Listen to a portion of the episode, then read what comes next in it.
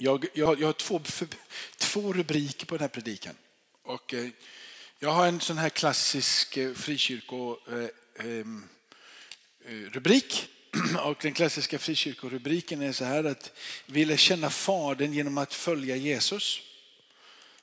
Och den, den, liksom, den, den, är ganska, den är ganska lätt att, eh, att ta till sig. Eh, och den nästa rubrik är det andliga inte skilt från det fysiska. Så, så den ena är så, följa, du lär känna Fader genom att följa Jesus. Och, nej, jag klarar mig nog utan, jag, jag gurglar lite med, med det saliv som kommer. Nej, jag Tack så mycket Peter. Eh, eh, eh, och, och, nästa rubrik är att är, du kan inte göra skillnad mellan andliga och det fysiska.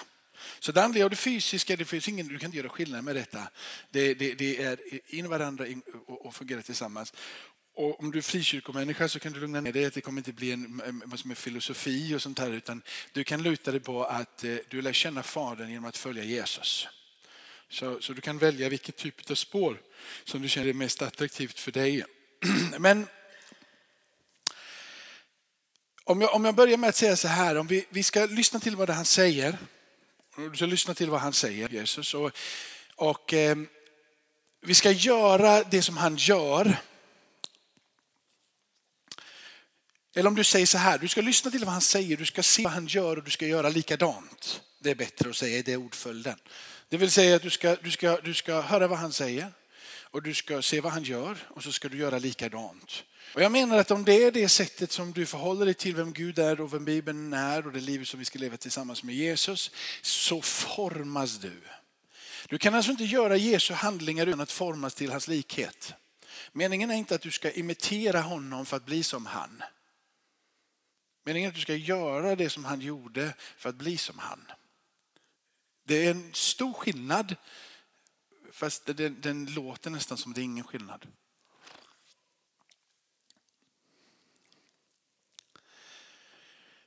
Gud, alltså kunskapen, kunskapen om Gud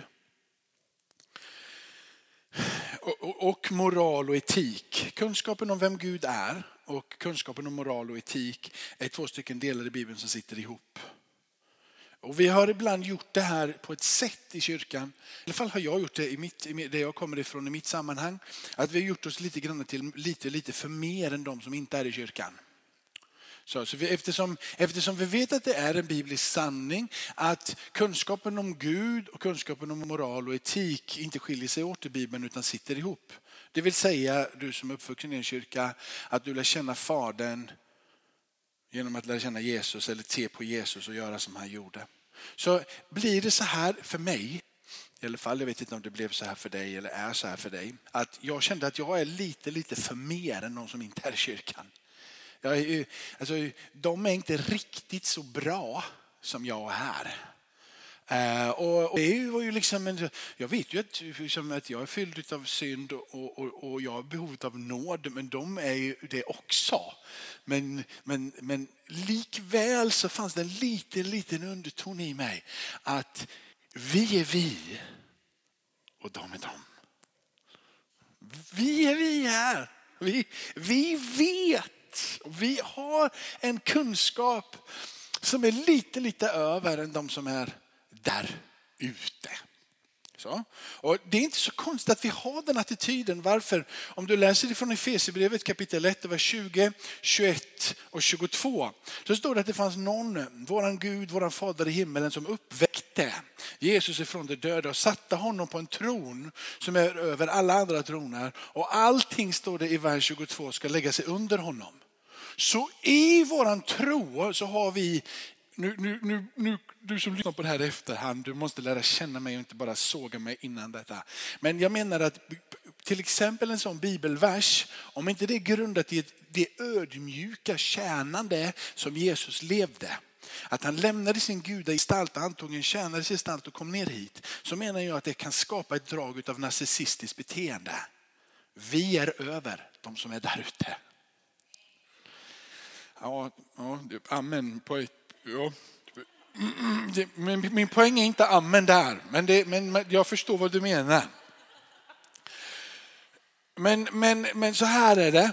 Så här är det att på grund av våran, våran position tillsammans med Kristus, och om man inte kommer ihåg att våran resa, faktiskt lyssna på detta nu, detta är jobbigt för många medelklasskristna eh, som, som fortfarande liksom drömmer om att hela tiden gå uppåt. Det är så här att Jesus gick neråt. Det är det jobbiga för oss att höra. Att han kom ner och tjänade. Han var inte på en resa uppåt. Och så kallar han dig och mig att vi ska följa honom så är det för oss, varför har vi bestämt att vår resa ska vara uppåt? Mer och starkare och bättre och vackrare och mer framgång. Då ska världen förstå att vi har med Jesus att göra. Det är snarare tvärtom i Bibeln. Det är en resa neråt i ödmjukhet, i tjänande. Och det är jobbigt. För, för med. Men, men, men finns det då inget budskap som går uppåt? Jo, det gör det. Och det budskapet är till den fattige. För den fattige är per definition undantryckt och har ingen plats i samhället, är nedtryckt och är längst ner. Och då är budskapet till den fattige och Bibeln är ganska tydlig med på att den, den, den fattige på något sätt har lättare att förstå vem Gud är. Den fattige har en roll i Guds rike som medelklassvensson inte kan få. Det finns en speciellt, speciellt han skaffar den faderlösa och de änkorna rätten. Han älskar främlingen och ger honom mat och kläder. Det finns någonting, och detta, detta, detta är bra gammalt. Det är bra gammalt. Det är liksom inte ens Jesus som, som talar ut det här även om du är hela bergspredikan. Det är samma sak sägs. Detta här kommer utifrån liksom, uppenbarelser, när lagen är där, när, när de ska förstå hur de ska behandla folk och fä. Liksom från, från begynnelsen. Då kommer det här ut. Det här talar om att Herren, han är gudarnas Gud. Han är herrarnas herre. Han är den guden som är stor, han är väldig, ingen, eh, och inger fruktan, som inte är partisk och inte tar mutor. Och så bara, han bara skaffar rätten till de farlösa änkorna. Och då är det så här, att för den fattige som är under där, förtryckt i samhället och inte har en plats och inte har en position. När vi predikar evangelium för den personen så är det så här att den personen i Kristus kan få en helt ny identitet. Han behöver, inte, han behöver inte förlika med sig att han är ingenting värd längre. Han kan förlika med sig med att han är värdefull. Han behöver inte längre titta på sig själv i spegeln och säga att jag är bara trasig. Utan han kan titta sig i spegeln och säga att jag har blivit hel. Så för en fattig som möter Gud så är det en ständigt uppåtgående spiral. Att förstå och komma till insikt om sin sanna identitet i Kristus, sin sanna plats i Gud. Att komma in i platsen där du kan bli hel och där du kan bli läkt. Där du inte behöver identifiera dig med en spegelbild som du har gjort så länge där du har talat om jag är värdelös, jag är fattig, jag kan inte komma någonstans. Utan helt plötsligt tillsammans med Gud så kan du få bli hel. Och då är det en uppåtgående spiral. Men den, den, om du, om, du, om, du, om du känner på något sätt att du, du är ganska okej okay och ganska bra, om du förstår vad jag menar, vi är alla lite halva, lite bristna och lite så, så, så är det så att du och jag först och främst, vi stiger in i Guds rike, vi är kallade att tjäna. Vi är en nedgående spiral. Där du och jag ska ödmjukt ta en tjänades roll så som han. Ta han till föredöme. Bli till sinne så som han var. Vaka inte över din position. Jag, jag, vet att det här är fruktansvärt jobbigt. Jag tycker det är jobbigt också. Så jag, jag, jag, jag, liksom, jag klandrar inte dig. Men jag vill bara säga att, att det är genom att göra Guds vilja som vi lär känna honom. Och jag, jag, jag gillar inte heller det när jag säger så. För, för jag gillar uppenbarelse. Jag tycker att uppenbarelse det är roligt. Och jag gillar att Gud talar, han talar om vem han är. Och jag gillar att, det liksom att och där har jag inte fattat än och så fattar jag det. Och, jag gillar, och du och jag gillar ju det. Tänk när någon bara kommer och du bara talar om för dig att så här är det tillsammans med Gud. Och så bara, ja så är det. Och så behöver du inte göra någonting för det utan det bara, bara landar där. Men jag menar på riktigt att det är en utopi och att det inte är sant. Jag menar på riktigt att man bara kan lära känna Gud genom att vara med Gud, att vara tillsammans med Gud, förstå hans vilja genom att ta det som han har gett dig och mig i livet och vandra det tillsammans med honom. Men än mer, inte bara tillsammans med honom utan tillsammans med varandra. Och jag kommer dit. Men eh, med det har han gjort det stora och förunderliga gärningar som du har sett med egna ögon. Och här, här, här kommer det här tillbaka som du och jag så lätt glömmer. Att med dig har jag gjort stora och förunderliga gärningar. Men från vilken plats var det som Gud gjorde det? Det var en plats utav slaveri. En plats utav att ha ingenting, vär, äh, ingenting inte vara värd någonting. Han gjorde det utifrån en plats där man inte ens litade på att man kunde någonting. Och han tar dem ifrån att ha varit, de hade väl någon identitet för de var Israel, men identitetslösa på det sättet att de har ingen, inget land, de trodde inte på en framtid och de hade inte speciellt mycket i sina händer. Och Gud gör det precis tvärtom. Han sätter dem och ger dem ett land, ger dem en identitet, ger dem ett, ett rykte och ger dem det de behövde i sina händer. Det var han som gjorde det. Han gjorde stora förunderliga gärningar. Och det är det som han vill göra med dig och mig. Och när vi vänder och vrider det här evangeliumet så kan vi vända det utifrån att du och jag ska lyckas där vi är och vi ska ständigt gå uppåt här. Men om det är så här att du känner att du börjar bli helt tillsammans med Gud så skulle jag säga att nästa resa för att kunna bli fullkomlad i Gud är en nedåtgående spiral. Så du vill bli hel med Gud men vill du bli fullkomnad med honom så måste du gå neråt. Första resan är alltid uppåt för att möta med honom, för att sen gå neråt för att tjäna med honom. Okay. Amen. Jag vet, att det, jag vet att, det, att det inte är roligt. Jag tycker inte heller om det här. Men, men jag, jag, på riktigt så är det så här.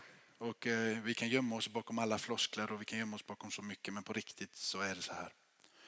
Det här det, varför ska vi hjälpa den fattige? Han har deklarerat det här i femte Mosebok. Jesus är tillbaka i, i bergspredikan. Och det är så många andra bibelställen. Varför ska vi hjälpa den fattige? För det första, finns det något val? Kan vi välja att inte hjälpa den fattige? Kan vi välja att inte be? Kan vi välja att inte sjunga lovsång? Kan vi välja att inte umgå och tänka på Gud? Kan vi välja de sakerna och fortfarande kalla oss kristna? Kan vi välja att inte hjälpa den fattige? Min första fråga. Svaret är nej. Varför? För att Gud gör det. Gud hjälper den fattige. Gud hjälper den faderlöse. Gud hjälper änkorna. Gud tar sig an dem som har brist. De som inte har någon framtid. Gud, har du och jag något val i det? Nej, absolut inte. Ja, amen. Nästa steg är det, varför ska vi hjälpa dem? Ja, Gud gör det, men nästa steg i det är det för du har själv varit fattig. Du själv har varit utblottad på hopp. Du själv har varit utblottad på drömmar. Du själv har varit utblottad på kanske livet själv. Du själv har varit utblottad. Så inte bara att du skulle hjälpa den fattige för att Gud gör det. Du skulle hjälpa den fattige för att du själv har varit där. Kanske inte i pengar, men på så många andra ställen. Kanske mentalt, kroppsligt, ekonomiskt, vad det nu än må vara. Du har själv varit där. Och han påminner Israels folk också i Bibeln om att ni ska hjälpa främlingen som det står här. Varför? För ni har själva varit främlingar. Eller hur? Hjälp främlingen, inte för att du gillar det eller för att du tycker att det är vettigt. Du har själv varit främling. Poängen är ganska enkel. Du behöver inte överdriva det, men det är enkelt. Du har varit en främling så du måste hjälpa främlingen. Det är faktiskt amen på det Roger.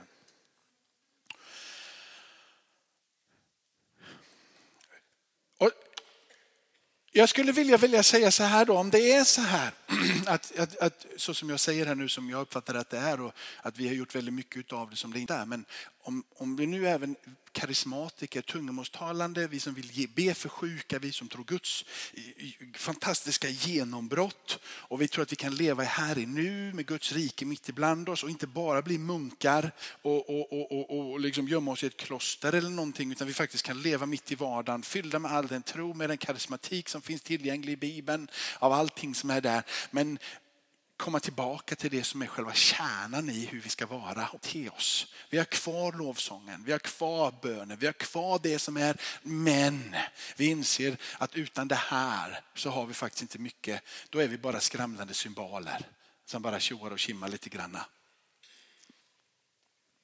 Jag skulle vilja säga så här att ditt gensvar till de fattiga är i är på djupet ditt gensvar mot Gud. Jag förstår om du inte vill säga amen på det.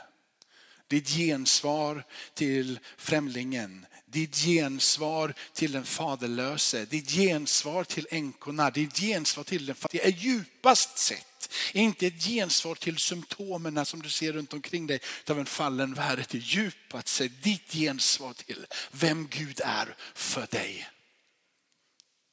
Du kan inte komma undan det.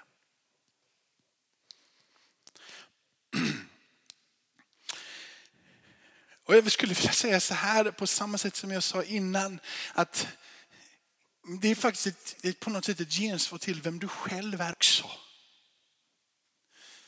Det är ett gensvar djupast i ditt hjärta vem, vem Gud är för dig eftersom Gud säger det.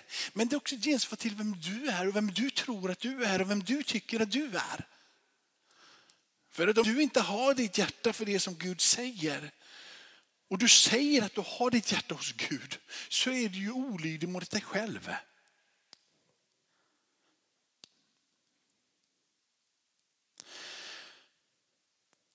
Jag har skrivit så här, att vi lär inte känna Gud genom att bryta upp från, från vår mänsklighet och vända oss åt ett annat håll. För jag tycker lite av det är det som jag har gjort i mitt liv. Jag har brutit upp emot mänsklighet som finns runt omkring mig och sen har jag gått in i kyrkan och så har jag bett. Och så har jag ändå känt mig någon form av tillfredsställd tillsammans med Gud. Eller gömt mig bakom att predika eller lovsång eller så många andra saker som man kan gömma sig bakom. Och om det är på det sättet att vi kan inte lära känna Gud genom att bryta med mänskliga runt omkring oss, andra människor. Så blir det ju på något sätt också att vi inte heller kan lära känna Gud om vi inte vill ha människor runt omkring oss. Att söka Gud och att finna oss själva innebär att vi tjänar våra medmänniskor och det går åt samma håll. Det ena utesluter inte det andra. Det är Marta och Maria på samma gång. Att söka Gud menar jag det är att finna oss själva i förhållande till de människor som finns runt omkring oss. Det vill säga att det finns, det finns ingen äkta relation med Gud isolerad ifrån andra människor. Det går inte att förstå något sammanhang omständigheter, livsförvandlande som Gud gör genom att enbart tänka intellektuellt eller för den sucken andligt. Så jag, jag, är så andlig så jag lär känna Gud. Jag menar att det är helt stört omöjligt att lära känna Gud på djupet isolerad ifrån övriga mänskligheten. Det är det som du och jag uppfattar tillsammans om Gud som är mer äkta än det som du subjektiv uppfattar om Gud. Låt mig poängtera det här då, in i nästa bibelvers. Om du har trott att jag håller på med filosofi här så vill jag säga att jag gör inte det. Eh, och jag vill, jag vill bevisa det genom den här. Vi lär känna Gud med allt vad vi är, genom varje handling, varje omständighet som vi erfar gör att vi lär känna Gud på djupet. Så här står det i Johannes första brev. Om någon säger att han älskar Gud men hatar sin broder så är han en lögnare. Den som inte älskar sin broder som han har sett kan inte älska Gud som han inte har sett. Om någon säger att han älskar Gud men hatar sin broder så är han en lögnare. Om någon säger att han älskar Gud men hatar sin broder så är han en lögnare. Om någon säger att han älskar Gud men hatar sin broder är han en lögnare. Så vad blir den logiska konsekvensen av det?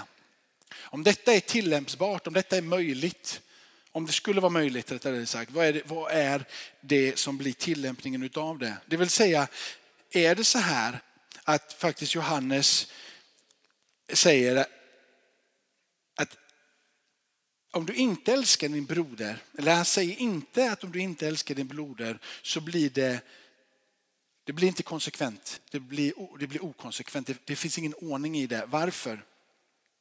För det vore helt ologiskt att han menar att en inre kunskap om Gud skulle göra att du inte älskade någon. Det är ologiskt. Bibeln är fylld av att Gud älskar och möter du med Gud så älskar du. Så det ologiska vore om någon säger att han älskar Gud men hatar sin broder. Det är inte bara inkonsekvens, det är ologiskt att det skulle vara på det sättet.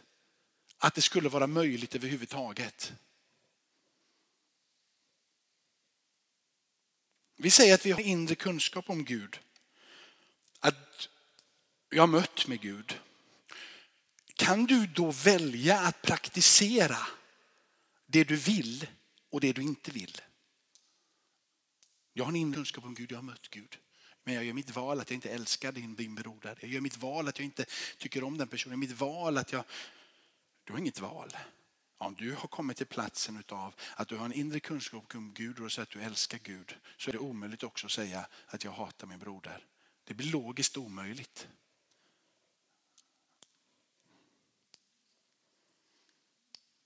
Så det är inte, det är inte, det är inte filosofi och, och goda tankar som jag står här och predikar, utan det här djupa bibliska sanningar, livsförvandlande sanningar. Varför? För jag vill säga så här, att när du gör det här så förvandlas du. När du ser och hör det Jesus undervisar och du gör det han säger att du ska göra så förvandlas du. Det är inte ord detta, det är handling.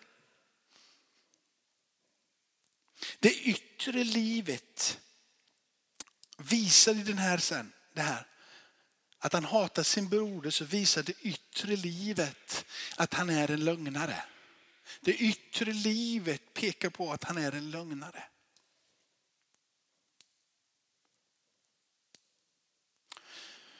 Jakobs brev är ett bra exempel här.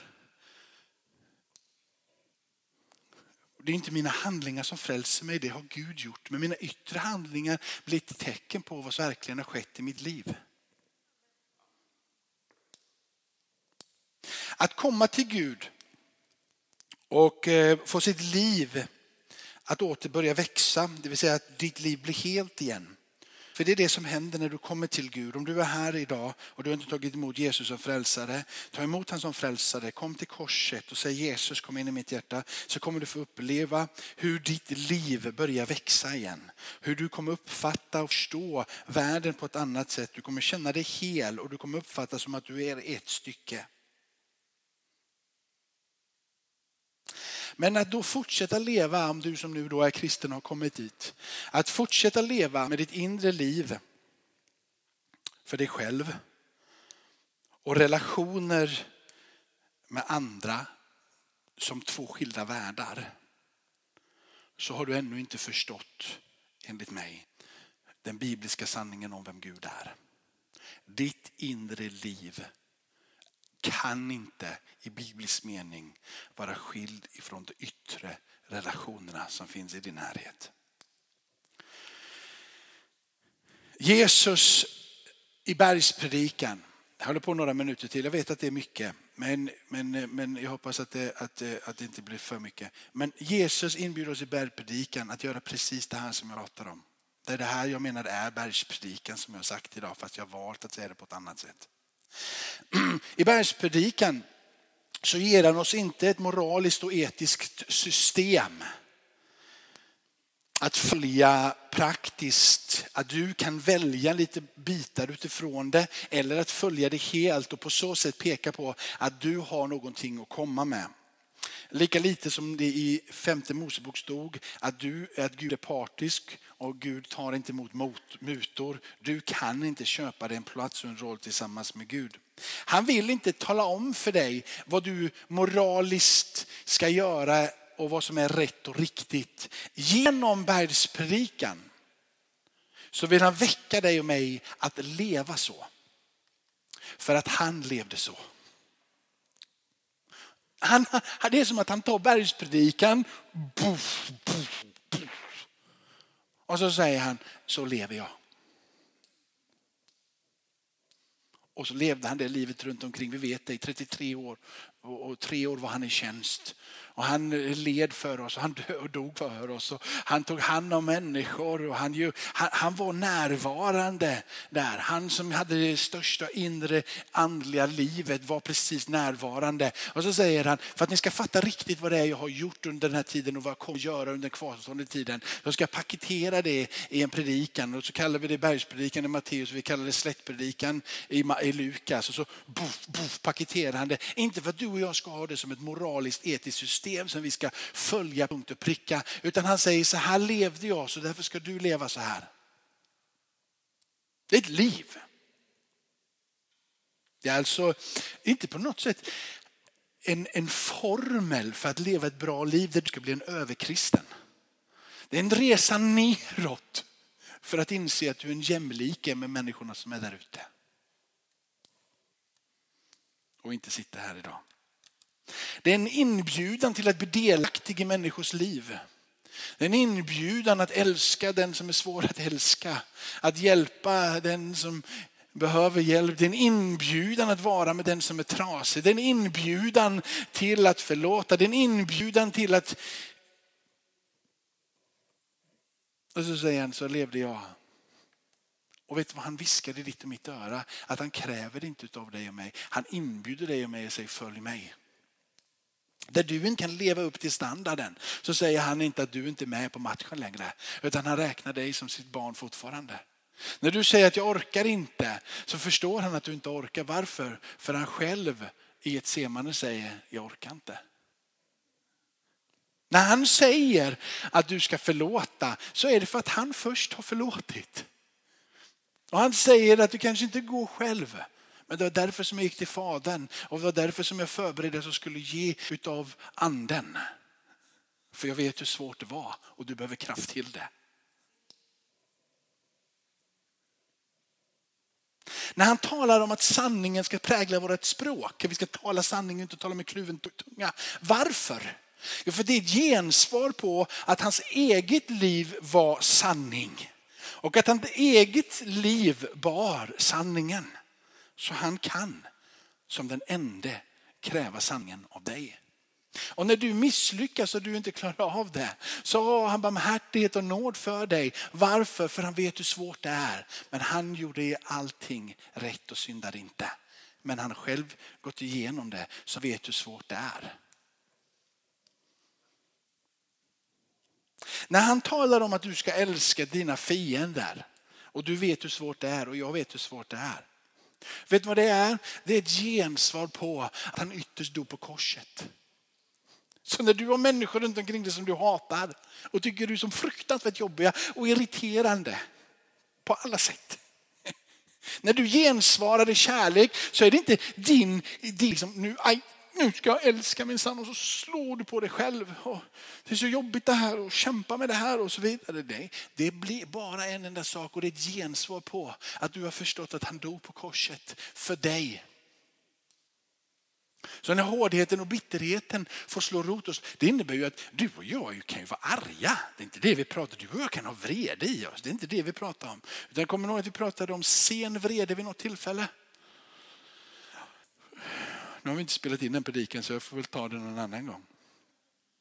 När Jesus talar om att försonas med människor och säga förlåt så är det ett gensvar på att han själv kom till världen för att försona dig och mig med Gud. Han har gjort det så han kan kräva det. Du och jag har inget val att säga jag vill inte. Däremot har du en resa till att komma till den platsen då du kan. Det är två helt olika. Du har inget val att säga jag vill inte försonas. Nej, det har du inget val. Om du vill följa Jesus har du inget val att säga det. Däremot så kan han säga så här, du blir inbjuden på den här resan och han vill ta dig till platsen där du kommer kunna. Han lägger inget ok på det, inget krav på det. Kom alla ni till mig som bär tunga bördor, lägg dem till mig. Gud, jag kan inte förlåta, hjälp mig. Det är som att det är en, det är som en, det är en tung börda på min akt. jag klarar inte av det. Kom till mig du som har tunga bördor, du som inte kan förlåta, kom till mig, jag ska ta det. Och när, han, när du kommer till honom så lyfter han av dig och säger nu ska jag lära dig den här resan. Och det kanske tar ett år, eller det kanske tar hela ditt liv. Men Gud någon gång på det här livet tillsammans med honom, om du förstår att ditt inre liv inte är skilt ifrån människorna som är runt omkring. Och om du säger att jag älskar Gud men fortfarande har hat i ditt hjärta så är det så att du fortfarande inte älskar Gud.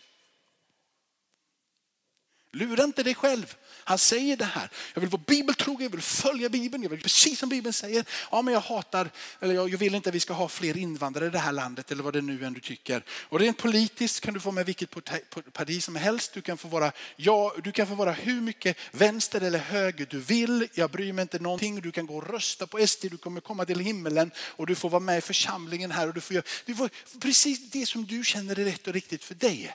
Men Bibeln uppmanar dig att älska främlingen. Det finns inget alternativ. Varför? För att du själv har varit en främling. För att du själv var behovet av att bli försonad med Gud själv på korset. Han blev främlingen, alien, fi här nere för att du skulle kunna komma tillbaka till honom. Du har inget val.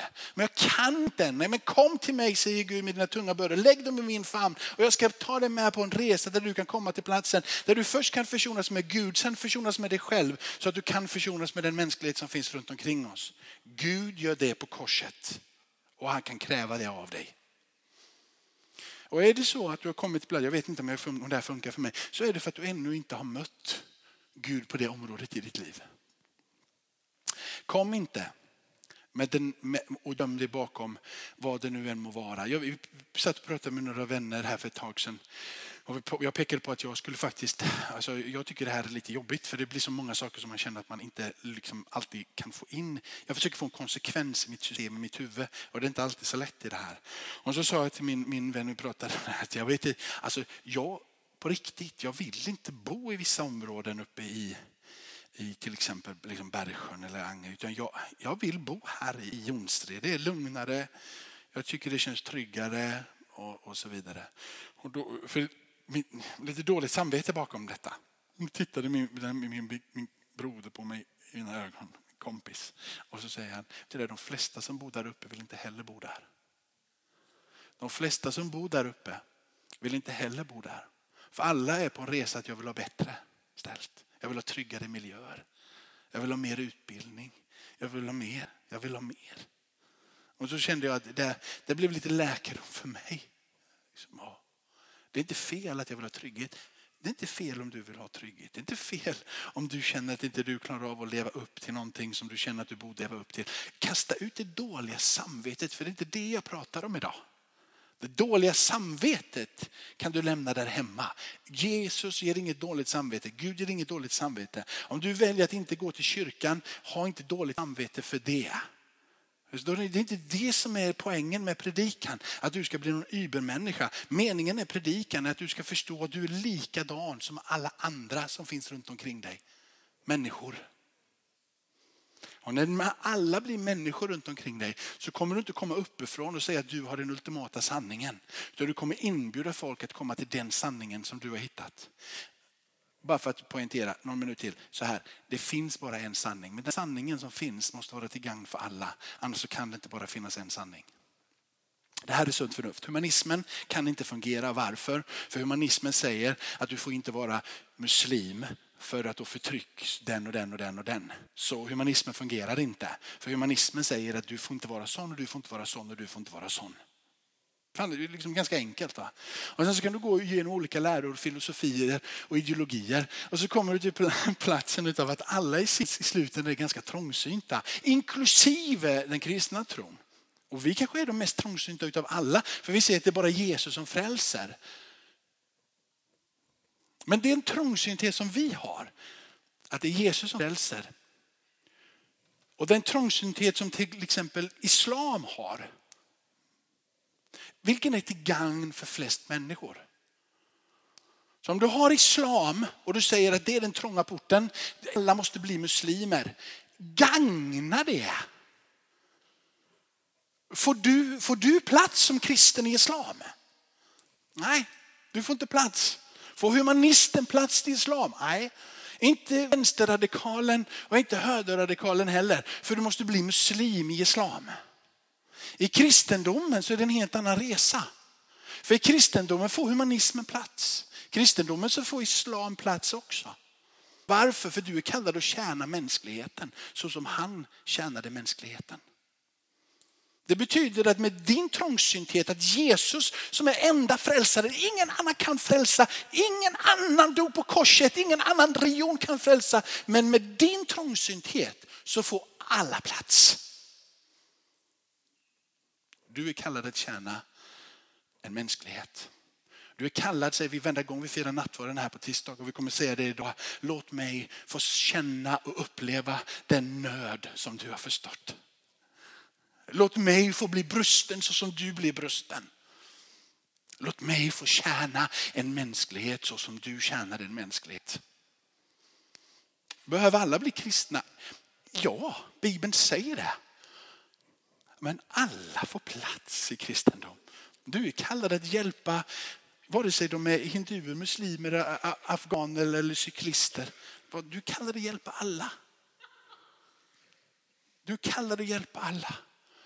Du är inte kallad att hjälpa bara kristna, du är kallad att hjälpa främlingar den utstötte, föräldralösa änkor. Du är kallad att gå in och tala till dem att de har en ny identitet i Kristus. Där de kan få bli hela tillsammans med Gud. Det är en uppåtgående spiral. Där de kan få känna att de är läkta. Sätta in dem i relation med människor så de kan förstå ännu mer om Gud är. Så vi alla kan komma till den dagen när han blåser i basunerna. Ärkeängeln blåser i basunerna. Och han kommer tillbaka i höjden och vi får välkomna honom och säga halleluja. Nu kommer han, konungarnas konung och herrarnas herre. Och allt folket sa amen. Tackar dig Fader i himmelen.